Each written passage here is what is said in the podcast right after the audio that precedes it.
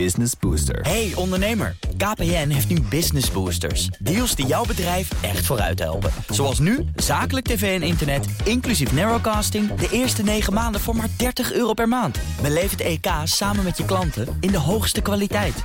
Kijk op kpn.com slash businessbooster. Business Booster. De Nationale Autoshow wordt mede mogelijk gemaakt door Lexus. Experience amazing. BNR Nieuwsradio. De Nationale Autoshow. Meindert en Wouter. Welkom, dit is het beste van de Nationale Autoshow. Deze zomer hoor je de leukste gesprekken en rijimpressies van het afgelopen seizoen nog eens terug. En straks hoor je een rijimpressie in een toch wel historische auto, de Morgan Plus 4.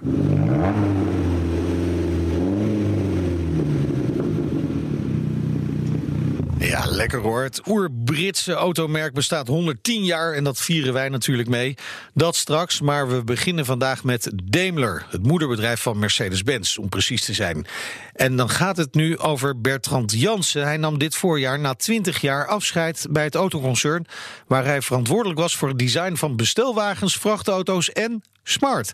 En het afscheid, ja, dat valt hem toch wel zwaar de laatste weken ga je toch wel even alles de revue laten passeren. En er gebeurt toch wel veel met jou, moet ik zeggen. En, en, wat, welke auto is de auto waar mensen je van zouden moeten kennen? Zeg maar, nou, de, de, de- waar je het ja, meest trots Ja, je- of meest beroemd. Ja. Masterpiece. Wat is je favoriete kind? Vraag ja, dat is, heel, dat is altijd een hele vervelende vraag. Wat is je favoriete kind? Hè? Ik bedoel, in dat opzicht eh, zeg ik niet specifiek van eh, welke auto mijn favoriete auto is. Maar ehm, ik zeg altijd wel van, eh, eigenlijk zijn ze allemaal fantastisch. Ja. En het is eh, geweldig natuurlijk dat je ook... eh, als, eh, als ontwerper aan een project staat waar men zoveel voor investeert, eh, Ja. waar meestal een miljard voor geïnvesteerd wordt, en dat je daar in de kinderschoenen staat en dat daarvan je wordt verwacht dat je een ontwerp creëert. Bertrand, het is toch een hele reis die jij maakt als ontwerper. Dus je laatste ontwerp is toch altijd het beste? Nee, nee, nee, nee, nee, nee dat is toch niet, niet het geval. Eigenlijk, eigenlijk, ja, zoals gezegd, ik kan niet kiezen. Elk ontwerp wat ik gemaakt heb, om het maar zo te zeggen, en dat gebeurt altijd met een team natuurlijk, Ja. is toch wel elk- elke keer weer een nieuwe uitdaging. Ja. Maar het is niet specifiek dat ik zeg, dit model is het meest fantastisch model. Dat, dat, nee. Kan ik niet stellen. Oh, jammer. Ik zou het wel willen weten. Ja, ja. toch? Ja, ik had het best willen weten. ja, ja. Van, eh, maar wat is Volgens mij meest- heeft hij er wel, maar hij wil Ja, het gewoon niet zeggen. Hij Nee. wil het gewoon niet zeggen. Kies het kiezen tussen je eigen kind, tussen kinderen, hè? dus dat is moeilijk. Hè? Ja, mijn en ik hebben allebei een favoriet kind hoor. Voor mij is een van de kinderen van Wouter. Ja, die zijn heel leuk. Ehm, maar je, Bertrand, je bent pas 60. Waarom, waarom stop je nu al? Ehm, ja, ik bedoel, het- in, in dat opzicht heb ik gewoon de mogelijkheid. En ik zie ook wel na 40 jaar eigenlijk in het vak. Los van het feit wat je straks over noemde, het is eigenlijk mijn hobby. Ik heb het mijn hobby, heb ik eigenlijk mijn werk gemaakt. Nou, hoe ideaal kan dat zijn? Heb ik nou toch wel een moment bereikt dat ik zeg van nou, misschien is het toch om te stoppen. Om zodanig dan niet meer voor een bedrijf te werken, maar dan toch wel te dienst te staan voor in de maatschappij als zijnde designadviseur. Dus ik vond dat eigenlijk wel een hele logische stap voor mezelf. Ja. En, en waar ga je over adviseren dan? Over eh, auto's of, of mobiliteit? Nou, nou Of- eigenlijk of- mobiliteit in zijn algemeenheid. Hè? Ik Kan ook bedoel- lantaarnpalen zijn. Voor dat niet zozeer, Nee. moet ik zeggen. Het moet wel een beetje in de richting zijn van transportation. Dus Ja. zoals jullie zei- zeiden, van trucks en vans en eh, personenauto's. Dus op dat gebied. Een heel breed gebied, hè? Ja, dat is heel breed. Ja. Mobiliteitsoplossingen. Ja, precies, precies. En dat is heel spannend vandaag de dag. Dus eh, ja, in dat opzicht zie ik het heel duidelijk van... met mijn ervaring zou het zonde zijn om dat gewoon... op wat voor manier ook niet gebruik van te maken dan, hè? Ja. En, heb je wel een favoriet gebied? Is er dus vrachtwagens, bussen, busjes of, of auto's? Wat, wat, is, wat is leuker of heeft het allemaal zijn charme? Het heeft allemaal zijn charme. Ik bedoel, Ja. de personenauto is natuurlijk pure emotie als je erover spreekt. Hè? Ja. Een AMG GT bij wijze van, dat is Ja. natuurlijk de jongensdroom van elke ontwerper. Maar een truck is natuurlijk qua concept is natuurlijk fantastisch. Je spreekt over meerdere varianten. En dus conceptmatig is dat voor een ontwerper ook een fantastische uitdaging. Ja. Dus voor Maar- ieder gebied is iets te zeggen. Al die vrachtwagens zijn allemaal hetzelfde. Dat zijn zeg maar vier... Niet? Oh.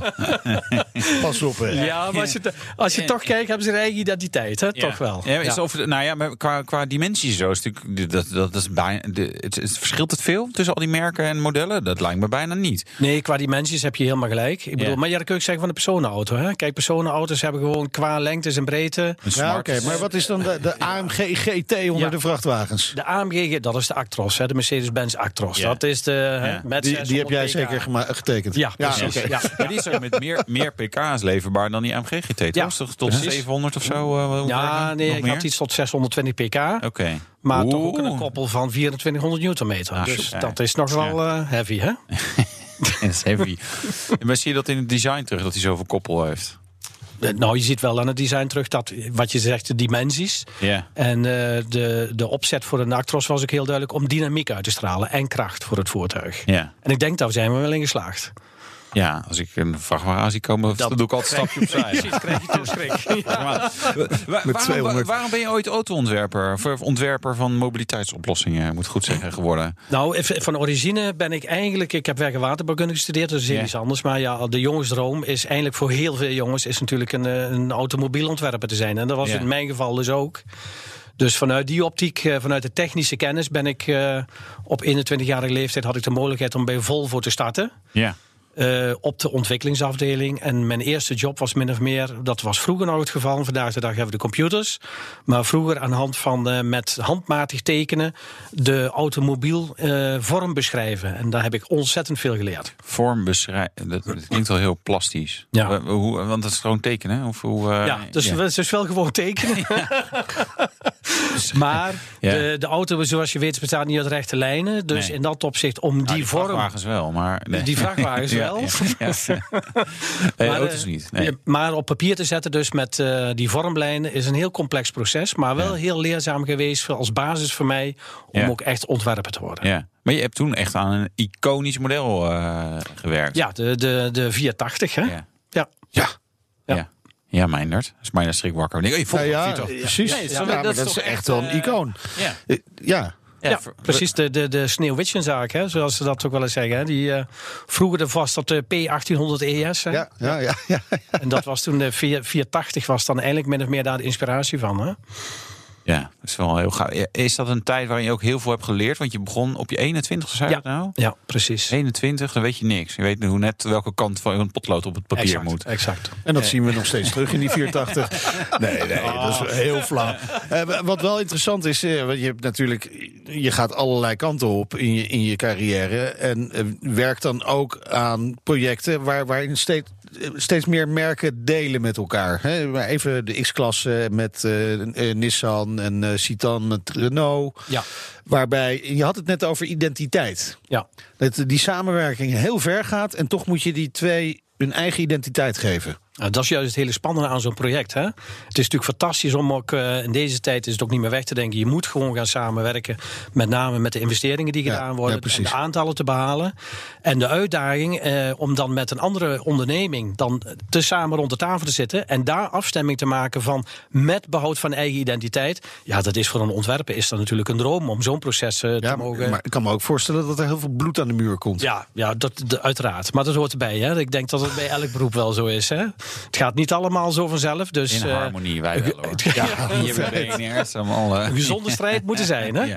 Ja, ja, dat is waar. Dat is waar. Maar dat heeft dus ook wel regelmatig tot spanning ingeleid. Ja, Uiteraard. Ik bedoel, je gaat natuurlijk de grens opzoeken bij elkaar. Om te kijken van wat wil jij voor Ja. jouw merk eh, kunnen halen. Ja. Maar wie beslist dan? Is dat dan gewoon het grootste merk? Nee, het is toch eh, dat je daar min of meer uiteindelijk in harmonie bij elkaar komt. En uiteindelijk ook zegt van, eh daar hebben we een... Dat lukt in de, in de beste huwelijken niet altijd. Eh, heb, je, heb je dan ook wel eens een externe nodig? Een mediator? Ja, je krijgt natuurlijk wel eens het geval dat er bepaalde beslissingen genomen moet worden. Dat het dan op hogere, eh, hogere hand moet er dan, wordt erbij betrokken. En die worden geïnvolveerd om te komen tot uiteindelijke beslissingen. De rijimpressie.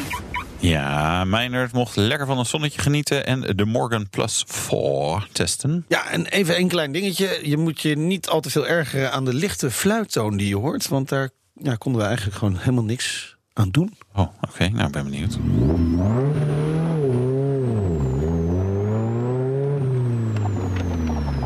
Ja, dat klinkt best lekker, hè? Dit is een Morgan. De Morgan Motor Company bestaat 110 jaar. En dan vraag je je af, wat zeg je nou? Wie bestaat er 110 jaar? Morgan. Nou, voor veel mensen is dat echt een volstrekt onbekend merk. Mensen die het eh, kennen zijn zelf waarschijnlijk 110 jaar oud. Maar met die 110 jaar is Morgan wel de langst bestaande deels particuliere autofabrikant ter wereld. Is ook wat waard. De Morgan-familie is ook nog altijd eh, nauw betrokken bij het bedrijf dat zijn fabriek in eh, Worcestershire heeft, waar elk jaar ongeveer 800 auto's met de hand worden gemaakt. Ja, dat is toch mooi dat dat nog gebeurt. Om die mijlpaal van eh, 110 jaar bestaan te vieren, introduceert het merk de speciale 110th Years Anniversary modellen van de Plus 4, de Roadster V6 en de Three-Wheeler. Waarbij je gewoon een aantal leuke opties erbij krijgt. En wij rijden met de Plus 4. Mooi houten dashboard, Motolita houten stuurwiel, houten carrosserie, Aero Racing sportuitlaat. Ja, het motorgeluid, die krijgt wel een hele mooie nadruk hier. En dan van die lekkere, lekkere plofjes als je het gas loslaat. Ja, het geeft die eh, plus 4 toch een extra sportief voorkomen. Hè? Die 4 staat voor vier cilinders. Van de 154 sterke Ford motor die onder eh, de, ja, de lange motorkap van deze klassieke sportauto ligt. Het is echt een klassieke auto. Werd in eh, 1950 gebouwd, deze Plus 4. En na de Tweede Wereldoorlog kwam Morgan terug met de 4-4. En in 1950 werd op eh, de Earl's Court Motor Show deze iets grotere Plus 4 geïntroduceerd. Nog steeds geen lange auto hoor trouwens. En in de basis is dit nog steeds dezelfde auto als toen.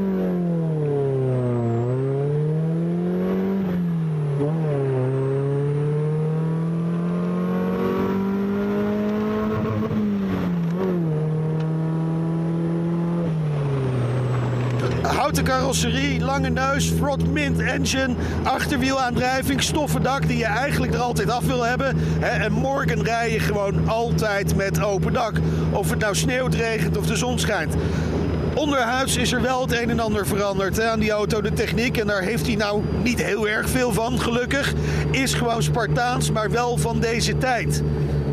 Die motor die begon in 1950 met een eh, standard Vanguard. Daarna kwam er een Triumph in. Fiat Rover. En nu dan die 2 liter 4 cilinder motor van Ford met eh, 154 pk onder die klassiek gelijnde lange neus. Het is allemaal op en top Brits. Dat houten dashboard, die klassieke klokjes, recht voor je de temperatuur en de brandstofmeter, links in het midden de toerenteller en dan helemaal rechts kun je dan zien hoeveel kilometer per uur je rijdt. Ja, en dat komt direct vanuit de rechtsgestuurde Mo- Morgan. Eh, daar is de snelheidsmeter net iets makkelijker af te lezen, maar ja, gemak. Daar gaat het dus niet om bij deze auto. Hij zit niet eens echt lekker. Je moet de koppeling zo diep indrukken dat je binnen kortste keer een kramp in je kuit hebt. En je linkerbeen kun je eigenlijk nauwelijks ergens kwijt. Het ding maakt enorm veel herrie. En als hij het zelf niet doet, dan komt die herrie van buiten. Ja, er zit een stoffen dak bij, maar ja, waterdicht. Dat lijkt me een illusie. Het is gewoon ook hard werken achter het stuur. Alles streelt, alles maakt geluid, geen stuurbekrachtiging. Compromisloos. Maar ook zo ontzettend leuk. Ja, Wouter, vier cilinders zijn wat weinig. 154 pk voldoet normaal gesproken niet aan onze standaard. Maar in dit geval, ik vind het helemaal prima. 927 kilo, een top van 195 per uur. Maar het voelt zoveel meer. Daarom staat er ook die plus bij. De Morgan Plus. Plus. Met dank aan Lauwman Exclusive. Plus. Ja, is het iets voor jou, Wouter? Ik denk, eh, misschien- het is wel ongemakkelijk zitten trouwens. Ja? Dat je heel snel pijn hebt. Ja, doe dan maar die nieuwe, die is volgens mij beter. die is groter. Die, Ja. de, de, de Plus 6 Plus 6. Mooi. is wat zes in groter. lijn. 6 Ja. in lijn, Zes in natuurlijk. lijn. BMW Krijg je wel, die, die, die krijgt dus een aluminium chassis. Deze heeft nog een hout. Ja. En die krijgt een automaat. Ja. Ja, Ja, ja. moet je dit niet gewoon lekker gewoon... Ja, lekker ouderwets. Spartaans. Ja, joh. Hè? Waarom hè? hebben ze ook niet genoeg handgeschakeld Formule 1 auto's? Leren handschoentjes. Ja. Die heb ik nog van Opinari ja, trouwens. precies. Ja. Eh, ja. Nee, ja, weet je, ja. Ja, handbak is wel leuk voor dit soort auto's. En waardevast, hè? Waardevast, dit soort auto's. Dus je betaalt een ton. maar dan is het, Ja, ja, blijft het het waard? Nou, pff, Dus ze maken niet zoveel, Kijk, hè? Dus als nee, je erin precies. wil, moet je lang wachten of een tweedehandsje kopen. ja, tweedehandsje. Kan ook. Hm, Oké. Nou, eindoordeel? Dat dit nog gemaakt wordt. Ja, Ja, en dan wordt het dus. Ja, mooi toch? Morgen leverden afgelopen jaar eh, acht auto's af in ons land. Zo. Acht gelukkige mensen. Volume topper. Mooi. Allemaal blije gezichten. Zometeen, Bertrand Jansen mag dan wel stoppen. Hij drukt zijn stempel stevig op de toekomstige modellen. Ja, en we de dienstauto van... Ja, wie? Oud puntje, puntje, puntje, puntje, puntje. Oh, met de kennis van toen. BNR Nieuwsradio. BNR, de Nationale Autoshow. Tijd voor. De dienstauto van... Ja, bekende mensen vertellen over hun passie voor auto's. En dit keer hebben we... Ja, ik heb nog eens een keer een rally eh, achter hem aangereden en voor hem uitgereden. Eh, Frits Wester, politiek verslaggever van RTL Nieuws. Uh, Tulpenrally deed je altijd met Roelof Hemmer Ja, samen. Heeft mijn- eigenlijk mijn plekje ingepikt, dus ik ben nog steeds boos. Nee, eh, druk bezig met de verkiezing, maar toch even tijd voor ons. Dus wat rijdt Frits Wester?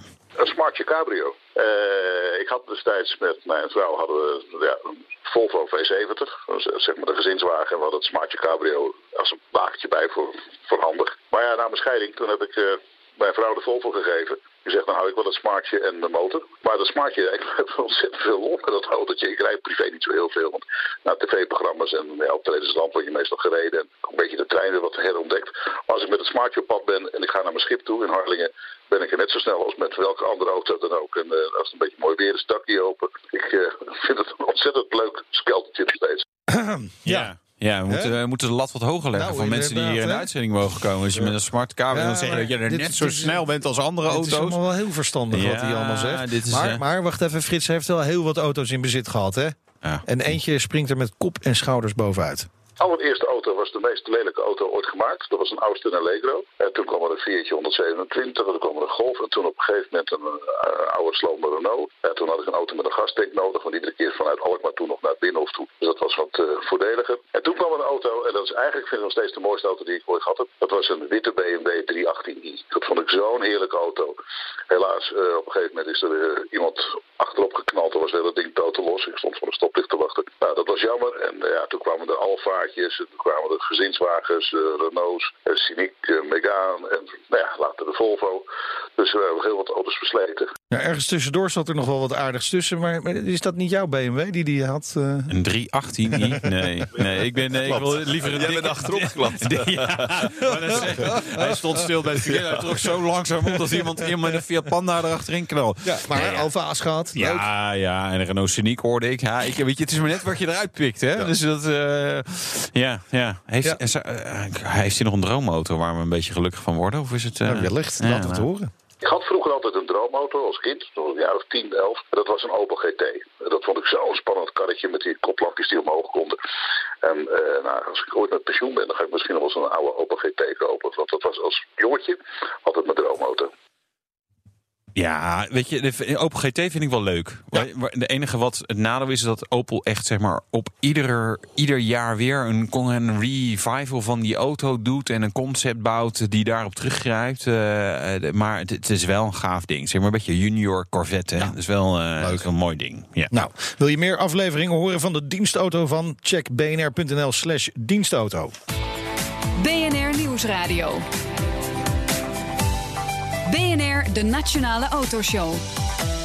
En wij praten verder met eh, Bertrand Jansen, senior manager design brands bij Daimler, verantwoordelijk voor het ontwerp van vrachtwagens, bestelwagens en smart. ja, je moet bestel. Er mogen geen busjes meer zeggen. Het zijn bestelwagens. Bestelwagens. Bestelauto's. Beetje respect voor. Ja, en nou ja, weet je, het zijn wel werkpaarden. Mooie Zo. werkpaarden, toch? Ja. Dus, Ja, over een eh, werkpaard Bertrand Jansen neemt na 20 jaar afscheid bij eh, Daimler. Aan, eh, aan welke projecten heb je de laatste periode nog gewerkt? Oh, eh, ja, aan verschillende bestelwagens nog, en verschillende trucks. En, eh, en ook een beetje smaat ook nog. Dus eh, ja, dat gaat er nog allemaal aan zitten komen. Hè? Je hebt ook aan de, aan de V-klasse, hè? dat is eh, de, de, en, en de elektrische Ja. versie daarvan Ja, gewerkt. precies. hoor. Ehm, EQV dus. EQV, ja. Ja. Moeilijke naam. Stond in Genève. Ja, Conceptje. Eh, ja, klopt ja. En daar hebben we een, lezersvraag ook over. Hè? Of een luisteraarsvraag. Eh, lu- ja, de Ja. mensen lezen dit niet, die luisteren Nee. Eh, van Jan-Willem van Drunen. Waarom wordt het design van fraaie conceptcars vrijwel altijd afgezwakt in productieversies? Nou, nu hebben we een keer designer, die kan Nou. het prima uitleggen. Nou, precies. maar op. Ja, nou, Ja, we hebben ja. nog zes minuten, dus eh, Kijk, Het college. los. Kijk, een conceptauto is altijd natuurlijk, dan wil je als ontwerper wil je een beetje vrij uitgaan. En een conceptauto wordt meestal ook in een heel kort tijdsbestek gerealiseerd. Eh, dus dat houdt ook in, je hebt niet te maken met wettelijke eisen. Je hebt ook niet zozeer te maken met productiekosten. Dus dit alle complexiteiten mee te maken hebben met een, voertuig... wat nadien natuurlijk op de markt komt waar je ook geld mee moet verdienen. Maar wat je dus wel wil laten zien aan de conceptauto is de inspiratie wat er in de toekomst gaat gebeuren. Maar toch enigszins wel dicht bij datgene wat er in productie gaat ook gebeuren. Maar je past hem iets aan dat de proporties wat anders uitzien. Dus je maakt hem altijd iets breder, je maakt hem iets lager. En dan ziet hij er ook altijd een stuk dynamischer Ja, uit. ja, maar precies dat is wel het punt. Want eh, die concepts worden best wel regelmatig heel erg enthousiast door ons ook ontvangen. Ja. Dan worden autojournalisten enthousiast. Wat een gaaf concept staat daar. En dan komt de uiteindelijke productieversie. En dan zeggen wij autojournalisten... Ja, jammer. Ja. Maar Dat is toch dat- eigenlijk een gemiste kans dan? Ja, maar ik denk, je spreekt over alle merken behalve Mercedes. Want Mercedes laat toch wel heel realistisch iets zien. Datgene als conceptauto, wat nadien dus, wat ik net zei... hij is 20 mm lager, 20 mm breder... Maar dat is het min of meer ook wel. Ja, dus ja. we zorgen er wel voor datgene Maar wat we zien. Het moet, moet, we moet wel een beetje nog in lijn zijn met wat er gaat komen. Ja, ik, zeker, ik had ja, bijvoorbeeld met die, die Honda, dat, die elektrische Honda, die, eh, Ja. die, die, die ging echt zeg maar van heel gaaf met hele grote wielen naar, naar de Urban kleine- EV bedoel je? Ja, die. Nee, maar die. En mensen zeiden, ja, het is zo tof. Ik zei, nou, ik stond ernaast, eh, zeg maar in Genève. En toen dacht ik, ja, eigenlijk, eigenlijk wel jammer. Want hij was heel gaaf. En hij is nu wordt het een brave auto. Ja. Wat het misschien ook wel moet zijn. Maar Ja. en dat wil je dus eigenlijk voorkomen. Het moet niet dat, te- ja, precies. En ieder- elke onderneming heeft daar zijn eigen policy over natuurlijk. Maar daar ben ik helemaal wel over. Ik persoonlijk ben er ook over eens. Je moet er wel voor zorgen dat de herkenbaarheid terugkomt. En niet dat het een deceptie wordt. Nee, nee. Zij mag ietsje dikker, maar niet Precies. te, precies. Maar dat hanteren we die regel heel duidelijk toch bij Mercedes. Ja. Oké, bij deze het antwoord op de vraag van Jan-Willem van Drunen. En heb je nou ook eh, een prangende autovraag? Hè? Zit je te luisteren en denk je van... hey, daar wil ik meer over weten? Mail ons, autoshow.bnr.nl. Ik heb een mailknopje. Wat doet dat eigenlijk? Dan komt hij binnen. Oh, Oh ja, heb je hem meteen mail? Ja. ja. Eh, Bertrand, de V-klasse komt dus binnenkort op de markt. Eh, andere producten waar je aan hebt gewerkt? Hoe lang duurt dat? Ehm, nou, laat ik het zo zeggen. Alle producten waar ik nog aan gewerkt heb, dat eh, loopt zo. De, de laatste versie zal zo pakweg 2021, 2022 uitkomen.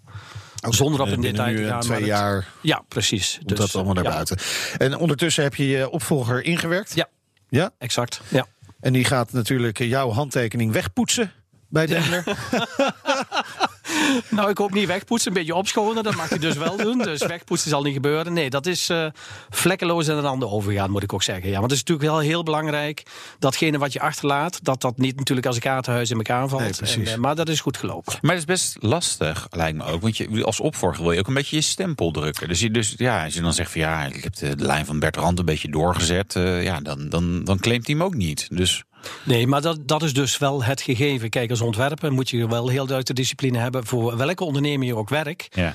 Je moet duidelijk de Mercedes-Benz-stijl laten zien. En dat is dus niet gekoppeld aan een eigen gevoel of een eigen identiteit. Natuurlijk zitten er wel elementen in die terugkomen, maar die voor het, eh, ik zeg van voor, voor de mensen die de auto kopen, dus niet herkenbaar is. Dus ik maak me er geen zorgen over mijn opvolger. Ja.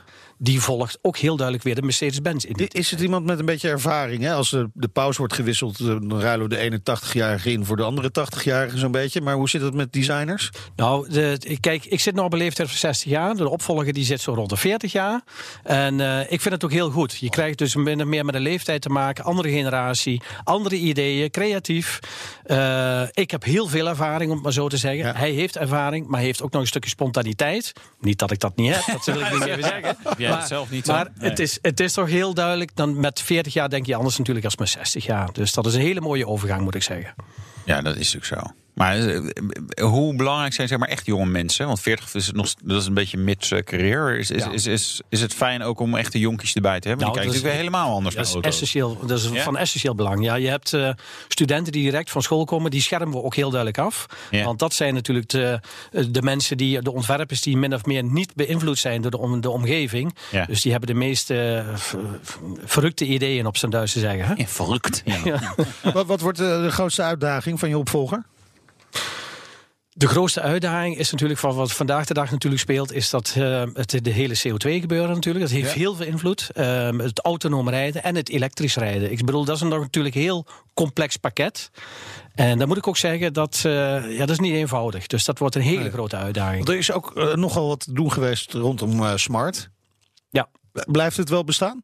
Ja, ja, zeker. Ja. We zijn nu 50-50, hè, Ja, Geely. Geely is erin en gestapt. Mercedes 50-50. Dus ja, dat is ik denk een hele goede samenwerking. Maar heb je dan ook, ja, dat ga jij dus eigenlijk niet meer doen. Maar heb je, moet je dan dan twee basissoort van antwoord? Het zijn natuurlijk hele verschillende bedrijven. Ja. Die dan weer in een derde, ander bedrijf samenkomen ook. Dus dat, dat, dat, wordt dat dan nog ingewikkelder? Ik wil niet zo per se zeggen ingewikkelder. Want wat ik voorheen ook, eh, zoals we weten, we hebben met Renault ook samengewerkt, met Nissan ook, met de X-klasse.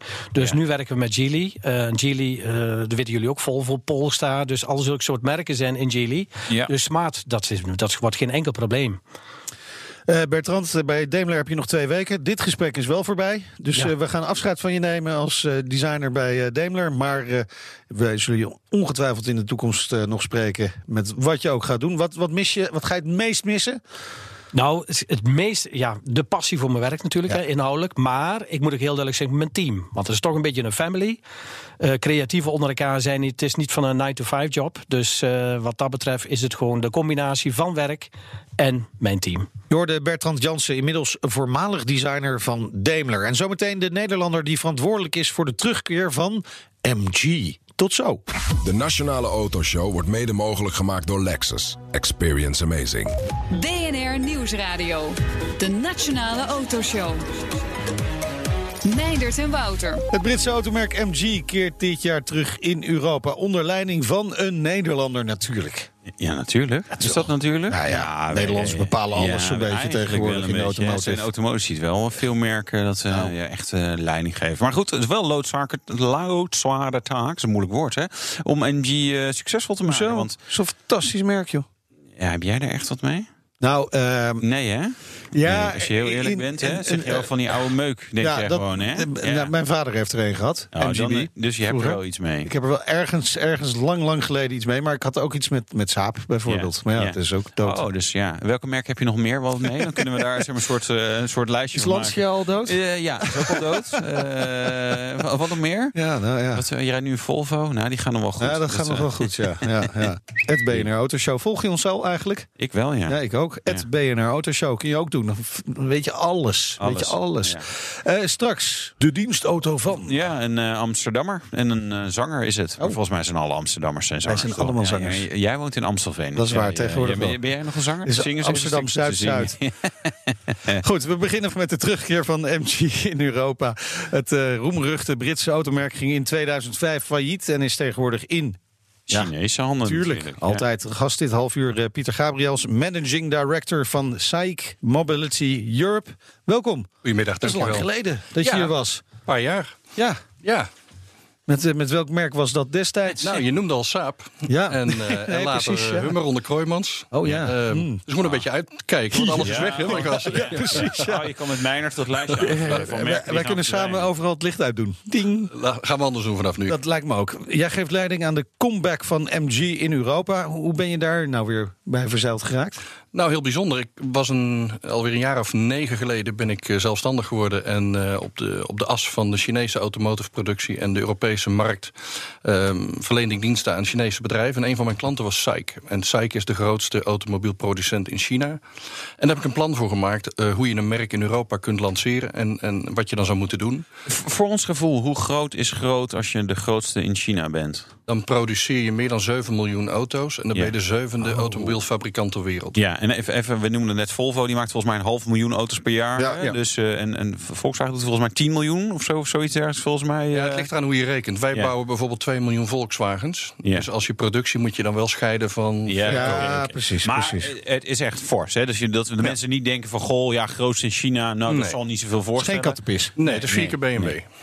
Nou, ja, precies. ja. Ja. Ja, kijk. En, en, en dan... hè, dan Met een trotse glimlach zegt hij dat. Nou ja, Het is met jammer mijn dat is. BMW-verleden durf ik dat wel Ja, te ja, zeggen. ja, Ja, ja. maar dat is wel grappig. Er zit ontzettend veel power achter, zou je Ja. kunnen zeggen. En die Chinese markt die is gigantisch. Die, die trekt eigenlijk die hele autosector wereldwijd zo'n beetje. En dan gaan ze zo'n oud merk als MG weer in de markt zetten. Why?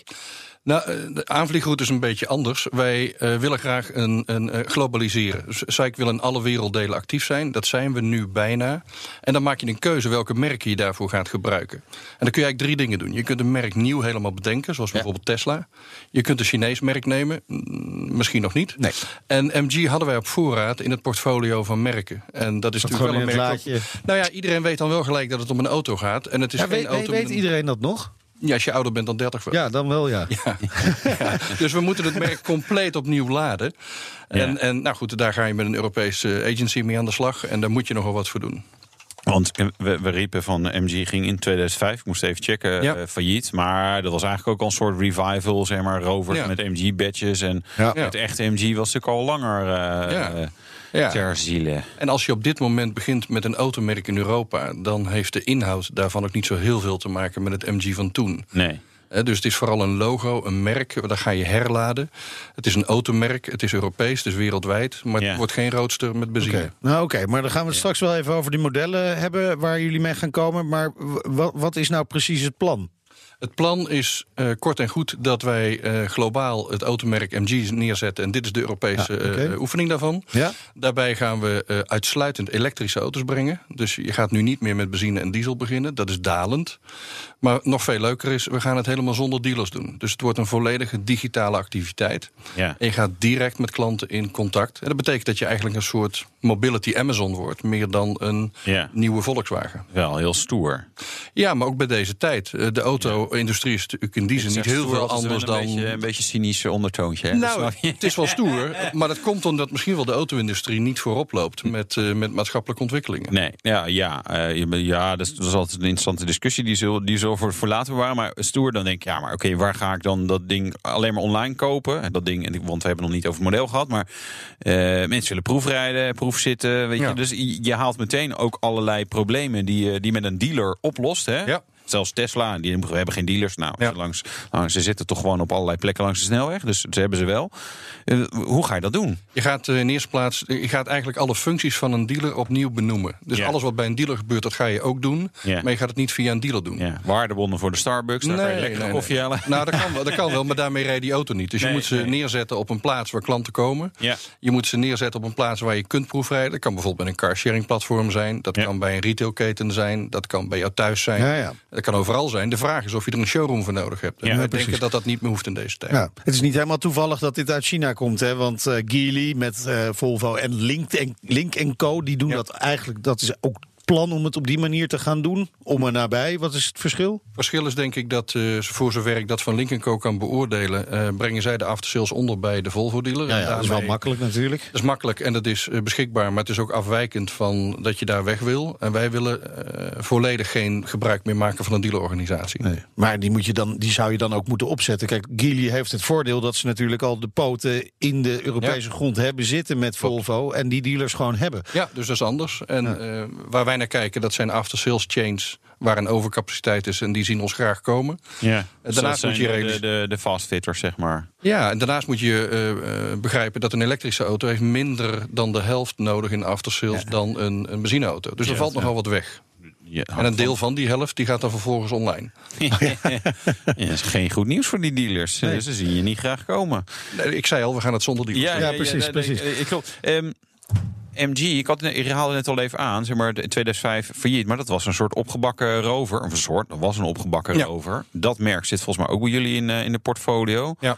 Dus waarom kies je dan voor dat oudere merk wat al langer eh, zeg maar, ter ziele is? Als je eh, gaat nadenken over welke merken je hebt en wat het best geschikt is voor wat je gaat doen, dan staan Rover en MG op het lijstje. We Ja. hebben er onderzoek naar gedaan en we merken dat MG een betere herinnering oproept bij mensen en meer relevant dan Rover. Ja. Oh, wat, wat denken ze bij rover dan? Dat weet ik niet. Dat hebben, Nee. dat hebben we niet onderzocht. We hebben Ja. onderzocht wat ze bij MG. Dat is een tweede onderzoek geweest wat ze bij MG voelen. Ja. En dat heeft vooral te maken met sportiviteit, met Ja. vrijheid, met, eh, met eh, ja, mooie gedachten aan automotive. En is zo'n eh, logo en die heritage, zoals je dat dan mag noemen, is, is dat dan voldoende om eh, ons te overtuigen om in toch uiteindelijk een Chinees fabrikaat te gaan rondrijden? Nee, dus niet anders dan bij Volvo. Ehm, dat is natuurlijk een, een Chinese aandeelhouder met een Europees merk. En wij zijn niet anders. Nee. En in die zin is dat wel een mooi voorbeeld. Maar eh, het is slechts het merk, zoals ik al aangaf. De auto zelf eh, heeft niet zo heel veel te maken met het verleden van MG. Als we echt op het product inzoomen. Er komt zojuist een eh, bericht binnen over de aanslag in Utrecht. De verdachte van die aanslag, Gugman T, die heeft eh, bekend en zegt alleen te hebben gehandeld, in zijn eentje dus. Als we meer weten, dan hoor je dat hier natuurlijk op BNR. Tot zover eh, deze dienstmededeling, Wouter. We gaan terug naar de auto's. Eh, even over die auto die er gaat komen. Die, ja, wat? die auto. Ja, MG, zeg maar kleine sportieve tweezitters waar dakje eraf kan. Eh, nou, dat, eh, of, of wat grotere sportieve tweezitters waar dakje vanaf kan. Naar Dus, Dus. wat wordt het eerste model? Ja, nou, ja. Als je gaat kijken naar segmenten, eh, Ja, eh, B- oh, BC-segment. Ja, dus, dat- eh, ik voel hem al aankomen. ja, een dus- SUV. Of nou, een crossover SUV, laten we ze combineren. Eh, want- en dat is ook logisch. Wat een want- gek idee. Nou ja, je komt uit China, dus je wil volume. Nou, dan moet je daar zijn. Ja, ja. Ja. En ehm, eh, daar is nog niet zo heel veel te koop, puur elektrisch. Ja. Maar we willen ook niet alleen verkopen. We willen met name auto's leasend op de markt brengen. We willen met name het gebruik gaan doen. En om die reden Het hebben is wij... wel heel modern allemaal. gaat Elektrisch, nog veel geen verder. dealers, online en dan ook nog van, van bezit naar gebruik. Ja, maar- maar dat is, ook de, dat is ook de trend. Daarom Ja. hebben wij voor heel Europa een partnership gesloten met Leaseplan. Ja. En eh, kunnen we in heel Europa ook de, eh, de value chain opnieuw invullen. En dat is een deel van die dealer-invulling, een deel van die OEM-invulling... die ervoor zorgt dat klanten ook echt kunnen rijden en goed verzorgd zijn. En dat is het eerste model, maar dat, dat is wel echt, dat staat mijlenver voor mij af van, van die het MG vroeger. Ja. En dan hebben we nu een elektrische SUV Ja. Die ik Nou, het goede nieuws is dat een jaar later komt er een nog grotere SUV. Oh, dat is fijn. Dus dat is, dan, eh, dat is voor jou heel geruststellend. Ja, Eh, ja. Ook elektrisch, want we blijven elektrisch. Ja. Of we blijven nul emissie, moet ik zeggen. Dat Ja. is nu elektrisch. En dan over twee jaar komt er een sportauto. En dat is een elektrische sportauto met een range van meer dan 500 kilometer. En twee deurs en vier personen. En zometeen meer over de terugkeer van MG. Allemaal onder leiding van een Nederlander. Ja, en Pieter we Gabriels. de dienstauto van een zingende Amsterdammer. Nou, dat kunnen er nog zoveel zijn. Zijn Mankenelis, je kan te denken. Nou Nou ja, ja, die auto weet- rijden, Mankenelis? Ja, automaat. dan. Ja. BNR Nieuwsradio. BNR, de Nationale Autoshow. Het is kwart over drie, tijd voor. De dienstauto van... Ja, de rubriek waarin eh, bekende mensen vertellen over hun passie voor auto's. En dit keer hebben we... Ja, een, Amst- een zingende Amsterdammer. Kan dat nou toch zijn? Er Een van de 800 zingende, 800.000 zingende Amsterdammers. Bekende je, oh, ja, maar ze zijn toch allemaal, ja, al die alle Amsterdammers zijn bekend, toch? Bekender Hè? dan eh, andere mensen in ja, dit land. ja, en zanger van het levenslied, maar dat Oh. zijn ook alle zingende voor Amsterdammers. de draad ermee. Nee, Dries. Ah, Ja, ja, ik kom, ik kom eraan. Ik ben meteen het is een heel nieuw format voor dit programma. In de kroeg, gezellig, met eh, Ja. zangers erbij. En ik denk dat dat wel leuk kan, eh, kan Ja, zijn. maar ja, Eh, dan moet je er wel komen. Ja, met een auto. En wat, Ja. wat rijdt Dr- Dries? Onze, on- onze Dries Roelvink. Wat rijdt hij dan? Ik heb eh, net sinds een week een nieuwe auto en dat is een BMW X4. En die bevalt me prima. Ik heb drie jaar gereden in een eh, Infinity Q30. Zo'n beetje om de drie jaar we weer eens om, hè. Ongeveer de enige in Nederland met een Infinity, denk Ja, ik, ja, toch? ja, ja, ja, dat heeft hij gewoon. Ja, ja. We hebben een heel goed sponsorcontract geweest, denk ik. Maar een X4, sorry. Dat vind- saai. Nou, weet je, dat, dat, dat, dat, zeg Ja, maar je wil een X6, maar dat, dat, dat doe je dan niet, dan wordt het een X4. Dus zeg maar zo'n hele stoere auto, maar dan de net wat mindere versie van. Ik vind dat, nee, dat, Ja, vind je dat echt? nee, vind ik niks. Oh, nee, ik ja, vind- niet helemaal ik- niks. Nee, Ja, maar ja, ik begrijp het, hij moet van optreden naar optreden. Dan wil je iets ontspannen, dus Ja, lekker ja. hoog op de weg. Ja, precies. Dus nou, hij kan binnenkort een eh, elektrische MG eh leasen. Ja, nou, dat kan ook. Eh, wat is de meest bijzondere autoherinnering van Dries? Nou, dat ik willen we ben ook- benieuwd. Nou, hè? Nou, wat ik nooit zal vergeten is dat ik had eh, een jaar of 15 geleden een Ford eh, Thunderbird. En ik moest een optreden doen. eh, toen, toen was ne- net, net de, de Zuidas was een beetje in aanbouw. En daar zat nog zo'n eh, brasserie beneden. En dan zou ik een optreden doen. En op een of andere manier dacht ik dat het een afrit was. Maar was het eigenlijk een trap. Dus ik hobbelde zo met die Thunderbird die trap helemaal af. Nou ja, het publiek stond eh, heel raar te kijken natuurlijk. Maar ja, toen had ik gezongen. En toen kwam ik natuurlijk nooit meer omhoog. Want dat was eh, onmogelijk. Dus er is een takelwagen aan te pas gekomen. En eh nou, die avond vergeet ik nooit. Nee, Nee, wij ook nu niet snap meer. ik die X4. Ja, precies. Superhandig. Ging je alle dan kan je trappen gewoon nemen? weer eh, mee mogen rijden. Nou, oké. Nee, dus eh, bij deze goedgekeurd dan die X4. Ford Thunderbird is ook een bijzonder ding. Ja, is wel Het is wel, ik weet je, hij, hij doet zijn imago wel een beetje eer aan van, van een toefje foute, zeg maar, auto's, toch? Is het zo? Thunderbird, X4 en een Infinity. Ja, oké. Ja, goed punt. Ja, Ja? puntje voor jou. Maar het Plus kan misschien zijn dat zijn droomauto een eh, klassieke Zullen we MG daar eens is. eh, dus kijken? ben- Wat ben is die droomauto eigenlijk? Ik ben niet iemand die van een Bentley droomt of van een eh, Rolls Royce. Ik, wat ik een geweldige auto vind, ik weet niet of ik hem nou zou willen hebben, is een Ford Mustang. Er zitten bepaalde types zo uit de jaren 70 zie ik er wel eens een rijden dat ik denk, wat een gave auto was dat, zo'n Mustang zeg. Ja. Ja, en dan zo'n vossenstaartje erbij. Ja, dat Lekker, vind ik wel hoor. bij een. Nee, maar dat moet hij gewoon. Moet hij gewoon doen. Moet hij gewoon doen voor de bij. Ik bedoel, weet je, hij, hij gaat toch goed eh, met de toko eh vol roofing, volgens mij. Dus eh, ik, ik vind nee, gewoon, gewoon doen, Dries. Gewoon doen. Ja, ja,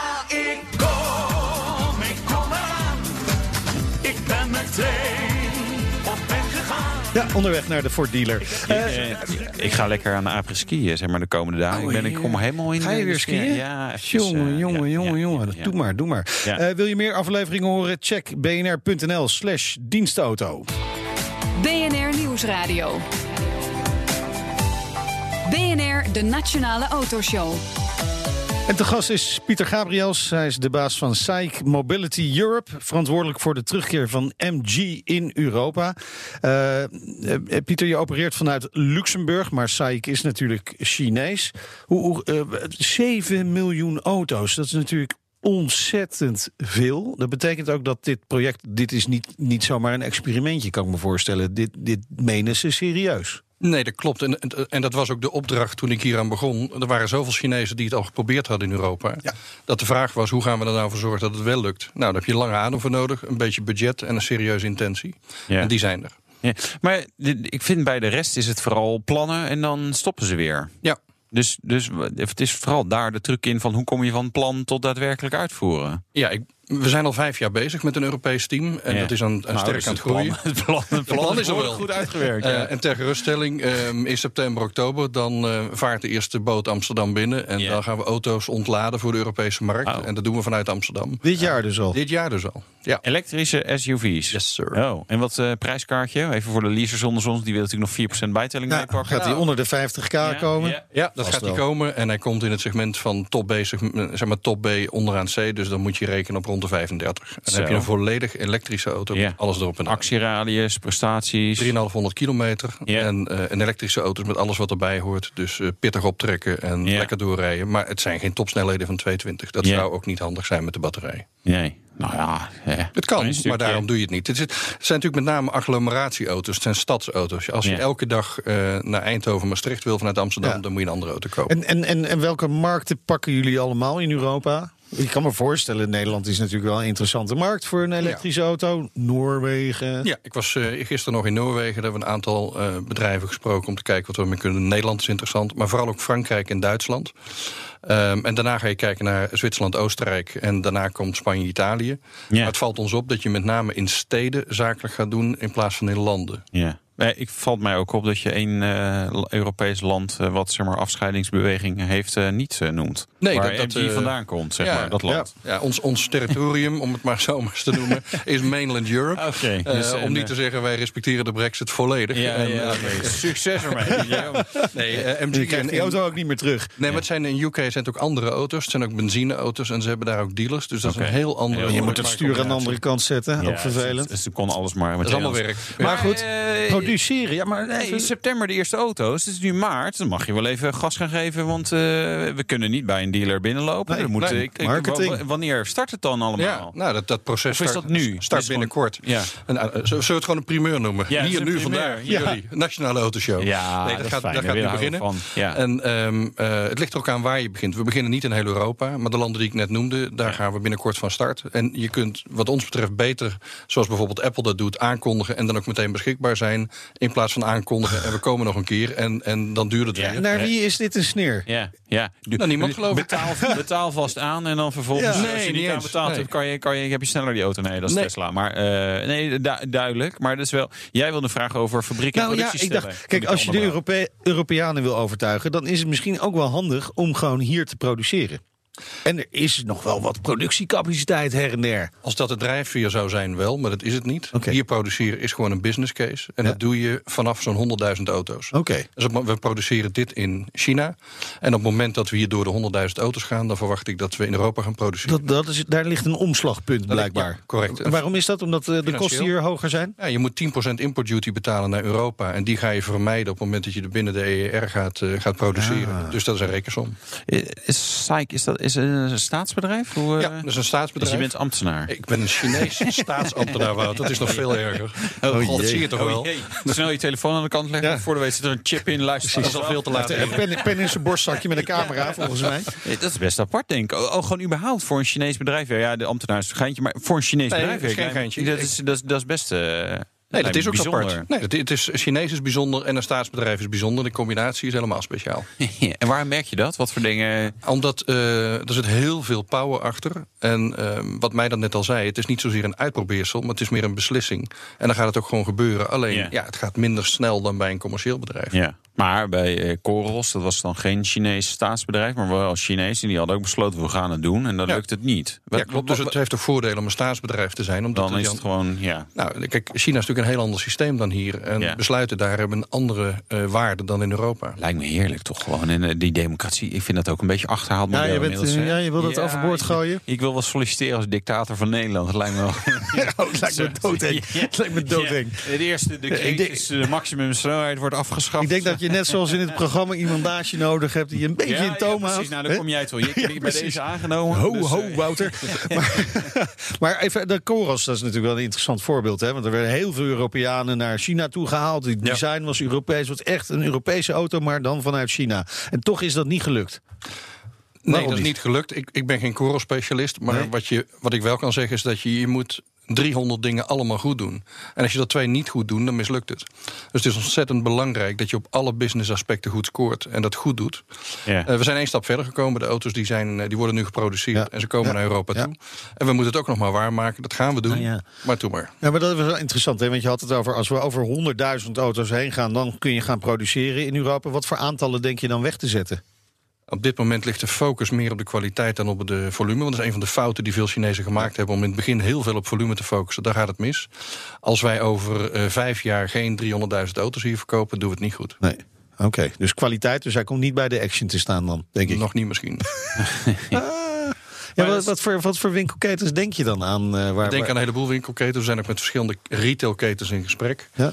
Eh, maar dat, zou, dat is eigenlijk het physical touchpoint. Dat is eigenlijk het, het, het, het, het punt waar de consument de auto kan voelen, maar ook kan rijden. Ehm, daar zijn er niet zo heel veel geschikt, want je moet ook auto's kwijt kunnen en je moet ook. eh, eh, eh, De gamma, de praxis, dat soort. Nou ja, de Mediamarkt heeft natuurlijk wel eens auto's. eh, ge- Ja. eh, er stonden wel eens auto's. Ja, binnen, maar dan kan je niet rijden. het kan allemaal. Het moet, ook even kijken ja. of, Nou, het moet iets ook- verraadt. Maar het moet ook Europees zijn. Bij voorkeur Ja, doe je dat met een Europese keten. Ja. Maar als dat niet kan, dan zul je op Ah, zoek moeten naar, eh, naar landelijke ketens en eh, waar je auto's terecht kan. We noemen alles wat waarvan ik denk, dit is Europees.